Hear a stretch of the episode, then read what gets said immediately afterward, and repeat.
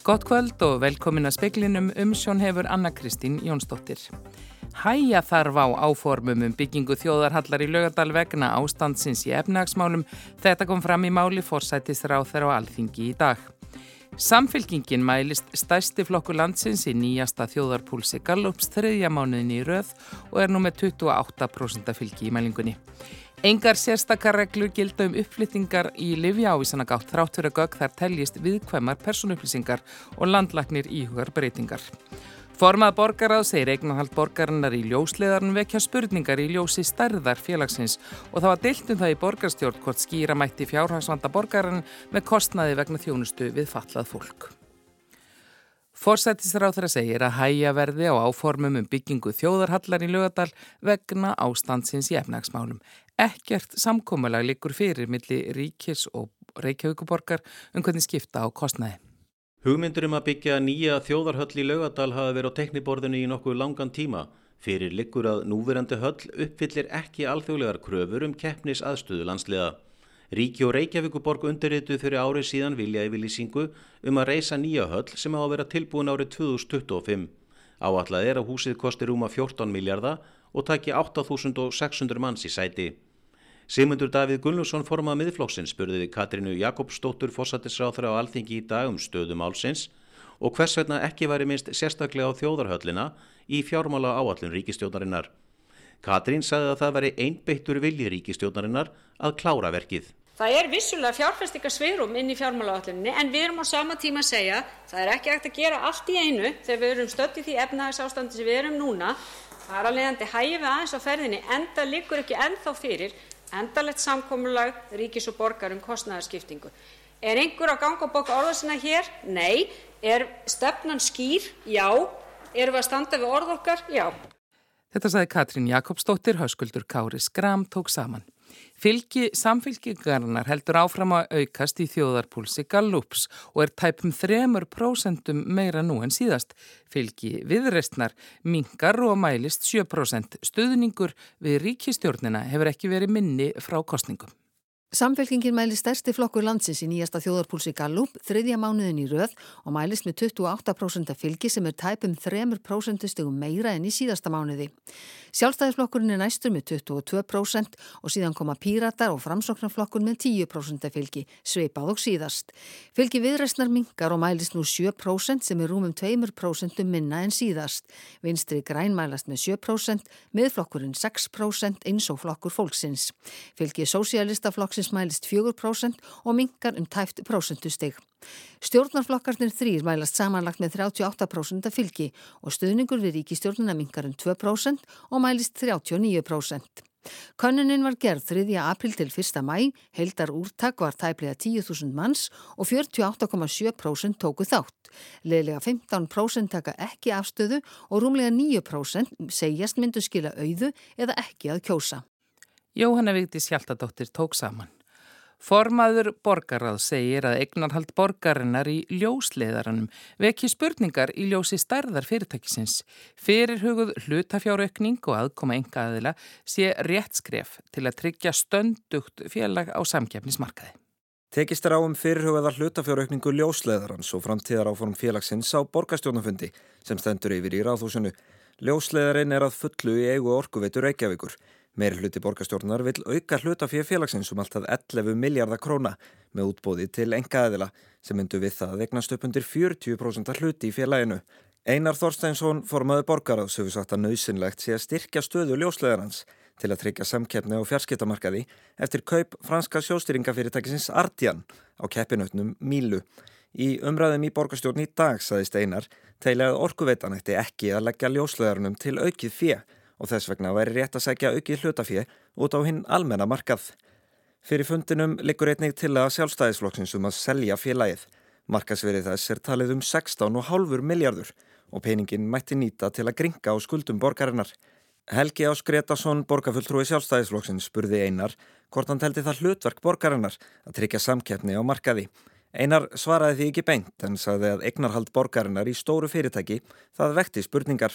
Það vaknaði upp spurningar um, um stöðu Reykjavíkuborgar sem eiganda að svona fyrirtæki sem er á samkernismarkaði og samkeppnislög uh, jafnvel hamla því að við höfum aðgang að upplýsingum sem að fyrirtækið varðar og, uh, og þetta kallar á endurskoðun á eigandastefnunni. Mér finnst það augljóst. Saði Einar Þorsteinsson, Alexander Kristjánsson tók saman. Nánar verður fjallað um borgarstjórnarumræður síðar í spiklinu. Lögreglan á höfuborgarsvæðin óskar eftir hann á tali af fjórum ungvennum sem voru á ferli við drafnarslipp í Hafnafyrði um fimm í gær.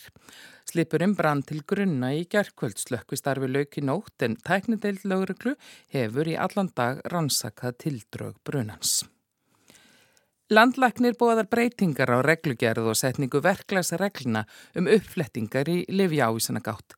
Engar reglur eru til um uppflettingar þrátt fyrir að gögg þar teljist viðkvæmar personupplýsingar. Fréttastofa sendi fyrirsput til landlæknis á dögunum vegna tilvika þar sem fólki hafi verið flett upp að þarflösu í svo kallari livja ávísana gátt. Þar má finna upplýsingar um liv sem fólk fær ávísað frá lækni. Upplýsingar í gáttinni teljast heilsufarsupplýsingar í skilningi persónuvendalaga og teljast því viðkvæmar persónuupplýsingar. Þrátt fyrir það eru ekki til reglur um uppflyttingar. Bentir á í svörum landlæknis að starfsmenn apoteka hafi undirgengist trúnaðaskildu og sangkvæmt henni sé óheimilt að fletta upp lifi ávísunum að þarflösum.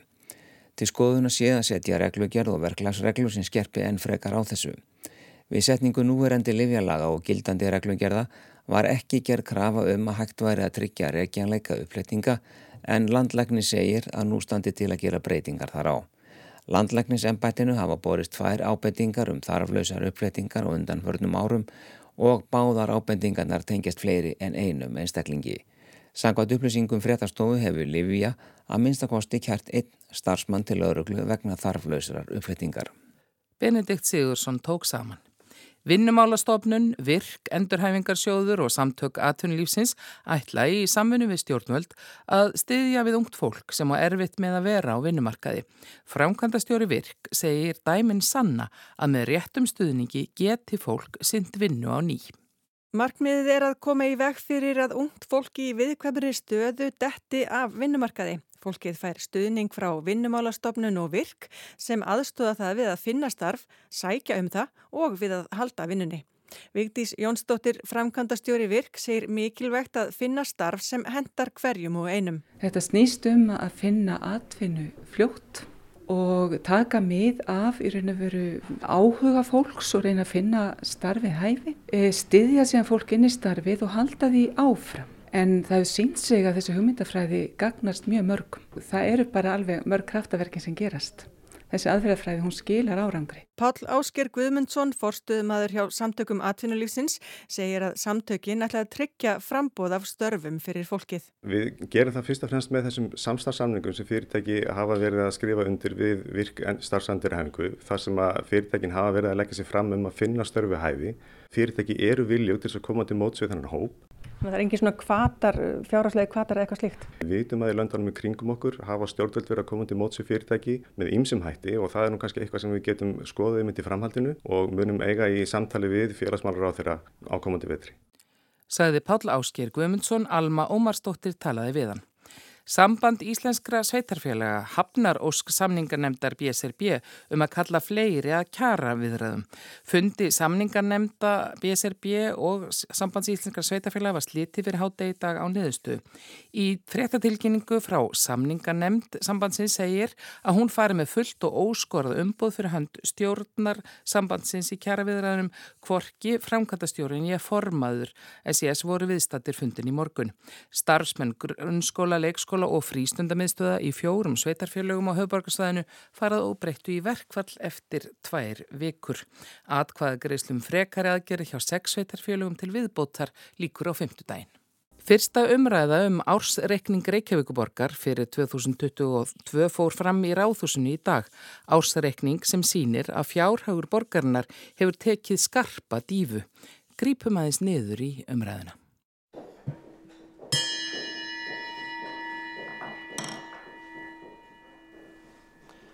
Fundu settur í borgarstjórn þriðdægin annan mæ. Erum... Aðluti borgarinnar, svo kallaður. Sá sem er fjármagnaður með útsvarskreðslum íbúa var rekin með afgangi 2018 og 2019 en síðan þá hefur borgin verið rekin með Halla. Halli aðhlutans í fyrra var 15,6 miljardar króna líkt og fram hefur komið. Það hafa verið raktar ímsar ástæður sem voru íþingjandi fyrir reksturinn í fyrra, COVID, snjóþungur vetur, háir vextir, verðbolga, kostnaðisamur rekstur í málaflokki fatlaðas fólks. Málaflokki sem var fluttur frá ríki til sveitarfélaga árið 2011 og sveitarfélag hafa kvartað mjög undan að nægt fjö hafi ekki fyllt með. En borgarstjórin Dagur B. Egertsson, oddviti samfélkingar, fóri yfir leikil tölur aðhlutans og það var ekki upplýfgandi lestur. Fórseti ágætu borgarfulltrúar, rekstra niðurstaða A-hluta árið 2022 var neikvæð um 15,6 miljardar sem var 12,8 miljardum verri niðurstaða en áallar var. En fráirtekinn hallið af rekstri málefna fallarsfól sem namn 9,3 miljardum var niðurstaða neikvæð um 6,3. Helstu frávik frá áætlun í öðrum rekstrakostna er að finna á velferðarsviði meðal hans í vissgreislum vegna barna með þroska og geraskanir óræðum barnavendar, á þjónustofi flótta fólk og hælisleitundur, umtalsvert yfir áallun en tekjur koma frá ríkinu á móti þeim kostnaði að mestu leiti. Kostnaði vegna COVID hafði áhrif á kostnabæð á velferðarsviði og skóla- og frístundasviði, þar sem einnum að finna mikil fráviki öðrum rekstrakostnaði. Þar hafa hækkanir á aðfengum vegna verðbólgu haft áhrif, fjölgum barna velendum uppruna sem þarfnast aukins stuðning og kostnað vegna rakaskemmta haft sitt að segja en há verðbólga skýrir að mestu fráviki fjármagnsliðum og neikvæð ávöxtun eigna lífeyrissjóðs LSRB er aðal ástað aukina gjaldfæslu vegna lífeyrisskuldbildingar. Ótviti sjálfstæðismanna í borginni, Hildur Björnsdóttir, tók til máls, taldi ósmekklegt hjá borgarstjóra að skýra fjárhagsvanda borgarinnar með miklum kostnaði við þjónustu við fatlaða. Hún telur það niðurlegandi fyrir fatlað fólk að talað sér um að það sé dýrt fyrir samfélagið og til þess fallið að jáðar setja fatlað fólk enn frekar og hún vitnaði til orða formans öryrkjabandalagsins þar um. Enguða síður saðist Hildur telja að málaflokkurinn væri van fjármagnaður og að það þurfið að ljúka viðræðin við ríkið um fjármagnunina. Hvar byrtast okkur vandamálun í reksturinnum? Til dæmis í því hvað starfspunum hefur fjölgað hér ört á undanleðnum árum. Þeim hefur fjölgað um 25% á 5 ára tímabili og hér sjáum við setningu sem eh, var reytuð af fjármála átustýringarsviði þar sem á það var flaggað að starfsmunum borgarinnar hefði fjölgað á síðustu árum nokkuð umfram líðfræðilega þróun. Og þetta veldur auðvitað aukningu í launakostnaði og þar með útgjöldum borgarinnar. E, það kemur líka fram og þetta er úr umræðu í fjárhagsáallun að launakostnaður hafi nú með 89% af samanlögðum útsvars og jöfnunarsjóstekjum árið 2022 og borgin hefur sett sér markmið um að þetta hlutfall fari aldrei umfram 80%. E, það er líka annar hlutfall sem er gerðna notað í mælingum á því hvort að launakostnaður e, sé of hár og það er þá launakostnaður sem hlutfallar heildartekjum sveitafélags og það hlutfall var 60% sem er örlítið herra en hlutfallið í Árborg sem þar hefur valdið ágjum. Sjálfstæðismenn hafa ítrekkað bent á það undanfærið að starfsmunum borgarinnar sem að heyra undir A-hlutan hafi fjölgað um 25% á 5 árum á sama tíma og íbúum hafi fjölgað um 10%. Borgar starfsmunum hafi sem sagt fjölgað talsvert umfram mannfjölda. Þetta hefur fjallað um oft og ég mun öruglega halda fram að gera það því að þetta er ákveðin byrtingamind af kerfi sem er að stækka og vaksa langt umfram íbúafjölgun og langt umfram þörf. Og það var svona skýr byrtingamind þessa vanda sem byrtist okkur í þar síðustu viku þegar haldin var hér stjórnenda dagur Reykjavíkuborgar árlegur þar sem fengu tæpir 600 stjórnendur bóð og það sýnir okkur kannski hversu ofbósla stort kerfi við erum komið með. Hún vil að tekið sér á rekstrinum. Það þurfi að hagræða, minga yfirbyggingu, ráðast í eignasölu og hefja niðugreðslu skulda. Otviti framsóknarflokksins í borginni, Einar Þorstensson, tók til máls og myndi á að strax í höst hefði verið ráðist í hagraðingraðgerðir, dreyður fjárfestingum, gjaldskrám breytt og ráðningaregla sett. Hann hverst hafa áhyggjur af rekstrinum, hann saðist hafa áhyggjur af því að framúrkesslan held í áfram og saði mikilvægt að auka miðlagt rekstrarlegt aðhald. Einar Gagriti Hildi líkt og dagur hafi gert fyrir að saka meiri hlutan um að kenna kostnaði við þjónustu við fatlaða um báa fjárhastuði borgarinnar ræða oddvitans um, málefni fallast fólks er einlega fyrir neðan allar hellur. það að halda því fram að við séum að, að jaðarsetja þennan mikilvægu hóp í okkar samfélagi með umræðu um það að málaflokkurinn sé undir fjármagnaður, það er ekki sæmandi. Sannarlega spilar það inn í fjárhag borgarinnar að málaflokkurinn sé undir fjármagnaður. Og við sjáum það bara í ársreikningunum, við erum með útgjöld upp á 19 miljardar og tekjur upp á 10, svona cirka, og þar er hallin þá 9, 9,3 reyndar. Auðvitað spilar þetta allt saman inn í. Ef öryrkjabandalagið hefði áhugjur af umræðum um fjármál vegna málaflokksins kallaði það kannski á skýrara samtal sveitarstjórnaflokks við hagsmuna samtök fallara. En einar talaði um að þegar að svona ári þurfið rýna allan rekstur að rifa seglinn, draga úr eða hætta verkefnum sem eitt sinn var hægt að sinna. Nú þurfið að taka erfiðar ákvarðanir og það séu þau tilbúin að gera. Hann segir að það rátt fyrir fjárastöðuna sé borgin í sókni fjárfestingu og viðhaldi í leik og grunnskólum verið sé að tryggja nöðsynlega velferðarþjónustu og verið sé að byggja ný hverfi til að mæta húsnæðistörf. Þórtís Lóa Þóraldsdóttir, Ottviti Viðræstnar og fórseti borgastjórnar rætti um erfið á tíma framundan. Hún sagði að ekki stæði til að fara í fjölda uppsagnir en að það þurfi kjark og úthald til að takast á við fjárhagsvandan. Það þurfi að sameina einingar, leggja niður einhver þeirra verkefna sem ekki eru lögbundin, draga úr launakostnaði borgarinnar og fækka fólki hægt og rólega. Ragnhildur Torlasíus tók saman áður hefðist í degi B. Eggertsinni, Hildi Björstóttur og Einari Þorsteinsinni.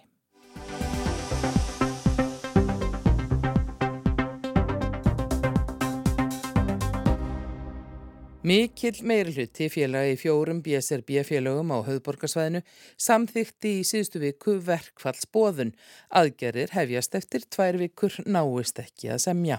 Á fymtudagin líkur atkvæðagreðslum verkfallsbóðum hjá félagum í sex sveitarfélagum til viðbótar. Aðgerðnar ná til starfsfólks í leik og grunnskólum, frístundaheimilum, mötuneytum, höfnum og sundlögum. Fyrir mánuði þá samti BSRB við Ríki og Reykjavíkuborg afhver ekki alla.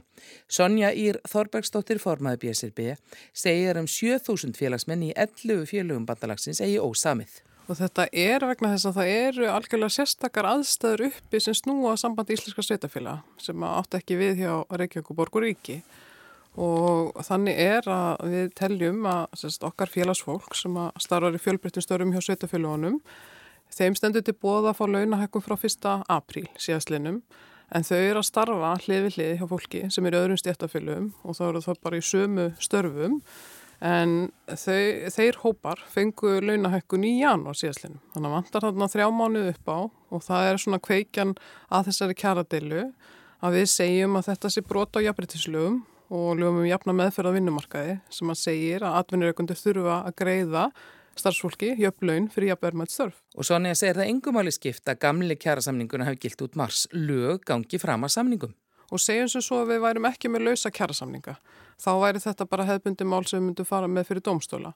En í ljósi þess að við erum með lausa kjærasamninga þá auðvitað er það langt fljótvirkast að fá þetta leiðrétt núna af því að fólk er búið að vera að býða í þennan tíma eftir launaleðréttingu og það er líka þannig að það má raunverulega semja um allt. Þannig að þessi rauksemt sambandsins sem maður með ekki semja inn í gildistíma eldri samnings að það er einfallega ránt það er fullkonlega heimilt og það er til fjölmörg dæmi fyrir því í kjærasamskerð En hvernig voru til dæmis aðstæður í borginu? Þú segir það er búið að semja. Var, er hver ekki samanstæða þar? Nei, eh, eins og sambandi er að vísa til að það byggir þetta á mismundi gildistímum kjærasamninga og í kjærasamningslótinni sem kláraðast 2020 þá voru sérst næstu allir kjærasamningar ofenbjörnum vinnumarkaði með gildistíma til lokmass 2023 e, sambandi hóf sína lótu þannig líka og samt á þeim nótum þanga til í januar 2020 þá hérna sömduðu við SGS sem er hann ASI um gildistíma til loka september 2023 og svo tvö aðaldafjölu BSB og það er svo sem alveg eðlilegt og kemur oft upp að sé mismundi gildistímar kjærasamninga en í þessu tilviki sem varðar þá BSB-félag og SGS-félag að því að fólk er í nákvæmlega sömustörfunum með að sambarlega minna sveitafélag oft bara innan sömustofnur, kannski fólk stendur hlið við hlið í leikskóla að þá hefur alltaf verið passað upp á að þessu sömu kjör hjá þessum hópa og það er alveg 20 ára saga hann á bakvið, sömu gildistímar og svo framvegis Þannig að þetta er, reyndar gerast það líka í síðustu kjærasamningu það sem átti að, að hérna, skapa missetti millir þessara hópa sem er náðan þá leiðrætta í þeim kjærasamningum en svo eru aftur komið núna í þessar aðstæður. Og ef við byrjum okkur sama við borgina að þá auðvitað hefur það komið upp að þau hafa samið á öðrum nótum við félagsfólki öðrum stjættafélum eða önnu stjættafélug en þá hafa þau strax sett það óumbeðið yfir á þá hópa sem eru í jafnverðmættum störfum af því að þau átt að segja á sinni lagaskildu til þess en það er þau með starfsmatt alveg eins og samband íslenska stjættafélag. Komið þetta ykkur á óvart að það skildi hlaupa í svona mikla kerkju? Já, kom mjög óvart því þetta eru mjög sérstakar aðstæður sem að við viljum meina að samband íslenska sveitafélag hafi skapað og, og kannski skiptir ekki máli hvernig kom til á þessum tíma eh, heldur þar sem blasir við þessi staða núna sem er mismunur í launum fólks í sumu störfum. En að öðru leiti er stemta samningi sem er bara svipaður það sem búið er að gera við Ríkjóborg? Það var stemt af því. Það var þannig þegar við fórum undirbúning fyrir þessa kjærasamlinslótu að þá voru við þetta svolítið einfald okkar kröfur. Það var ljóst að það væri ekki hægt að setja allt undir í tólmána kjærasamlingi. En núna þá, gagvart sambandinu, þá er ljóst að staðan hefur gjör breyst. Af því að það er auðvitað þannig að það er ekki hægt að vera slá af sínum kröfum þegar það kom út í það að fólk þurfi að fara í verkfull til þess að ná fram þessari grundvallar rétti sínum um að fá sömu lögum fyrir sömu störf. Þannig að þá hefur við bent á að það eru mismundi greiðslur í fræðslu og, og styrtasjóði, e, millir þá kjærasamninga, mismundi stjættafila sem við tilum okkur eiga rétt á og sömu leiðis eru Reykjavík og Borg að greiða fólki í sambarlunstörfum og okkar félagsfólki eins og innan leikskóla og í, í þjónustuðu falla fólk auka greiðslur. Þetta eru fólk á mjög lánlaunum, þannig að það voru settar á til þess að bæta kjör þeirra og þá eru þetta bætist súkrafa við þessar lótu. Þetta átt að býða til næstu atrinu en það gerist ekki núna fyrst að sambandi er búið að skapa sér aðstæður. Þið voruð á fundi morgun sem að, var, já, alltaf er nú en árangurslausir fundur en skilaði ekki niðurstöðu. Er búið að búið nýjan? Nei, eh, satt að sem mér sá ekki tilemni til þess að búið nýjan fund í ljósið þess hvernig fundurum var í morgun.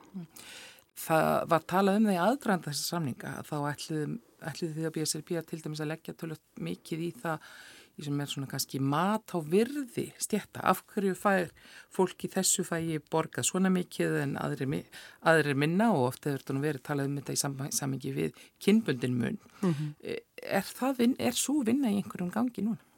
Já, það er sem sagt vinna í gangi að sem allir aðla vinnumarkaðins er að taka þátt á vegum fórsættirsarhandsins sem að við sjáum það og rannsóknir sína það að megin ástæðan fyrir launamunni kynjana er vegna þess hvað kynskiptu vinnumarkaðin er. Það er að segja, við reynum að setja einföldum máli að, að kvennastjættir eða það sem að konur er meiri hluta, þar fá læri borga heldur narar stjættir í, í sambarlegum störfum og þetta snýst um að lyfta þeim upp. Og besta leiðin til þess er að búa til virðismatskerfi starfa sem á hljómar kannski ekki mjög aðgengilegt en hins vegar er þá leið til þess að afhjúpa svona ómeðvita hlutrækning sem fólk hefur til þess þegar það er að meta störf.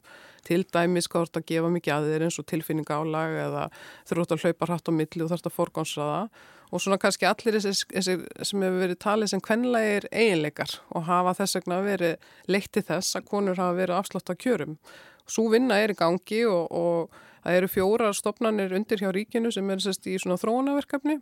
Þannig að það mun skil einhverju niðurstöðu.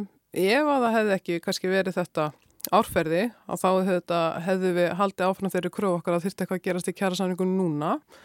En ef við horfum til þess líka, eins og ég sagði, við getum ekki sleið okkar kröfum þegar fólk er komið út í verkvælsaðgerðir, kakar samband íslenska sveitafélaga að leiðréttingar eða svona aukagreðslur til fólks, það myndu þetta bæta kjörðar og væri þá liður í því að lifta hvernig stjórnum upp. Sonja og Frekar vona á því að Frekar í verkfallsbóðinni verði samþýttar. Þáttakann hefur verið mjög góð og hugur í fólki. Fólk er ósatt við kjörin sín og þau eru ósattust við kjörin sín hjá setafjölanum og, launaransóknir sína það líka bara þau eru á, hérna, með allan vinnumarkaðin. Þannig að það er lungu komin tími til þess að lifta þeim upp Sveitafélun hafa svona státa sig að því að þau hafa verið jafnlega aðgerðum á, á borðu við starfsmatt en vandamáli við það þegar það var innlitt á sínum tíma var að það var sett svona þak á hækkannar þannig að það var raunverulega að það er okkar mati verið að þrýsta launonu niður. Og svo tekur starfsmatti þá til grunnlauna og oft myndast svona launamismunun í aukagreðslum við grunnlaunin. Fréttir af bári fjárhanstöðu sveitarfélag hafi verið margar undanfarið. Stutt síðan fjölda starfsmanna var til dæmis sagt upp hjá Árborg. Fjárhansstaðan er áíkjefni en það hefur hún verið svo lengi sem menn muna, segi Sonja. Tekjöflun þeirra sé pólitísk aðgerð sem þurfa ráðast í og hanna grein ekki á við sveitarfélagin um það. En hins verður við þetta að horfa til þess að, að þegar þú ert með aðeila vinnumarkaði aðunreikundir svo sveitafélagin sem er að ráða til sín fólk og eru samkeppni um starfsfólk af því að við sjáum það núna eins og þegar það glæðist í ferðamannaðinanum að þá þetta fer fólk þanga sem að launin eru betri og kjörin. E, sömu leiðis, ég minna veikindatínin er, er mjög há hjá hennu ofinbæra vegna þess hversu mikið álægið er. Þetta eru hópar sem á staðið að sér heimsvöldu kórnaveri og lagt mikið á sig. E, þú getur ekki sko sett fjárasáegjur sveitafélaga sem út frá þessum rosalega aðstöðum sem eru á milli svona stærðar þeirra sem atvinnireganda yfir og einstakka launamannsku. Við getum ekki ekki samfélag þar sem að velferðin byggir á, á vinnu hvenna og afslátt á kjörum saði Sonja Ír Þorbergsdóttir. Skömmu fyrir fréttir sendi samninganemt sambands íslenskra sveitarfélag frá sér tilkynningu þar sem því er hafnað að sveitarfélag brjóti jafnberðslög þau hafi uppfyllt sína samninga að fullu og hvetur BSRB til að leita til domstála teljiða á félagsmennum brotið. Ítrekkaði er að samninganemtin fari með fullt og óskorað umbóð fyrir hönd stjórnasambandsins í kjæraviðræðum sem séu á viðkvæmu stíi. Evropasambandið ætlar að krefja stæstu netfyrirtæki og samfélagsmiðle heims, þar á meðal Google, Twitter, TikTok og Amazon um strángari reglur um personuvend og eftirlit með ólöglegu efni. 17 netþjónustur og tvær stórar leitarvélar þurfa að undirgangast þessar reglur og þær verða líkjendum líka teknar upp hér á landi. Fimm netþjónustur í eigu Alphabet, móður fyrirtækis Google, falla undir þessar nýju reglur Európu sambandsins. Þar á meðal Google Play, þar sem fólk með Android síma næri öppin sín og Google Maps sem eru orðið ómissandi allavega í útlöndum.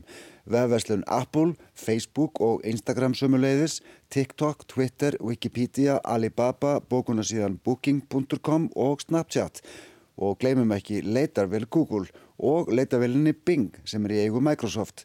Allt eru þetta netþjónustur með meira en 45 miljónir virkra notenda á mánuði miðað við tölur sem fyrirtækin gáfu upp í februar. Og þessi fyrirtæki þurfa núna innan fjögur að mánada að uppfylla skilirðir sem settur í nýjum lagabolki Európusambandsins sem tók gildi í nóvambur í fyrra og kallast á ennsku Digital Services Act eða lögum stafranna þjónustu.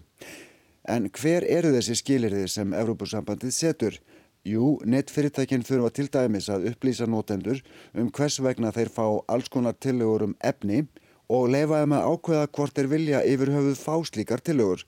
Það verður bannað að nota personulegar upplýsingar eins og kynþátt stjórnmálaskoðanir eða kynneigð til að beina auglýsingum að notendum. Það á að gera fólki auðveldar að tilkynna um ólöglegt efni og fyrirtækinn þurfa að breyðast við slíkum tilkynningum. Allar auglýsingar þurfa að vera mertar þannig að fólk viti hver er að auglýsa og netfyrirtækin þurfa að setja fram notenda skilmála á auðlesnum formi á þeim tungumálum sem notuð eru í viðkomandi ríki.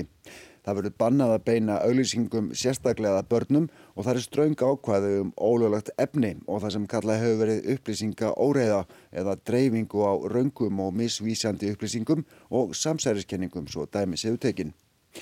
Verða þessar reglur teknar upp hér á landi Það verður að teljast líklegt. Núna eru sérfræðingar EFTA og viðkomandi raðuneta í EES-ríkjónum, Lichtenstein, Noregi og Íslandi að skoða bæði lögin um stafræna þjónustu og líka lög sem Európusambatið hefur sett um samkeppnistöðu stafrænar þjónustu sem verður eftirleiðis meðhöndluð líkt og um væri að ræða fjármálafyrirtæki eða orkufyrirtæki með stífari reglurama en áður. Svo vittnas í Brusselvaktina, fréttabref sem sendir á Íslands í Brussel heldur úti. Sérfræðingar eftir og heima ráðunetta ríkjana þryggja eru samsagt að fara yfir þessar reglur. Þau gera svo draugað ákvörðun sameinlegu EES nefndarinnar, þar sem sitja fulltrúar Norris, Íslands og Líktinstæn og fulltrúar Evrópusambandsins. Svo niðurstæða fer áfram til framkvæmdastjórnar ESB og ef allir eru sáttir verða reglurnar teknar upp í samninginum Evróska efnaðsveið og öðlast þar með lagalegt gildi hér á landi, einhver tíman í náinni framtíð. Björn Malmqvist saði frá. Veðurhorfur það verður fremur hæg, austlæg átt á morgun og allviða bjartveður, austanstrekkingur og skíjanæri suðurströndinni, hitið þrjú til tíu stig. Fleiri er ekki í speklinum í kvöld, tæknimaður var Kormákur Marðarsson, veriði sæl.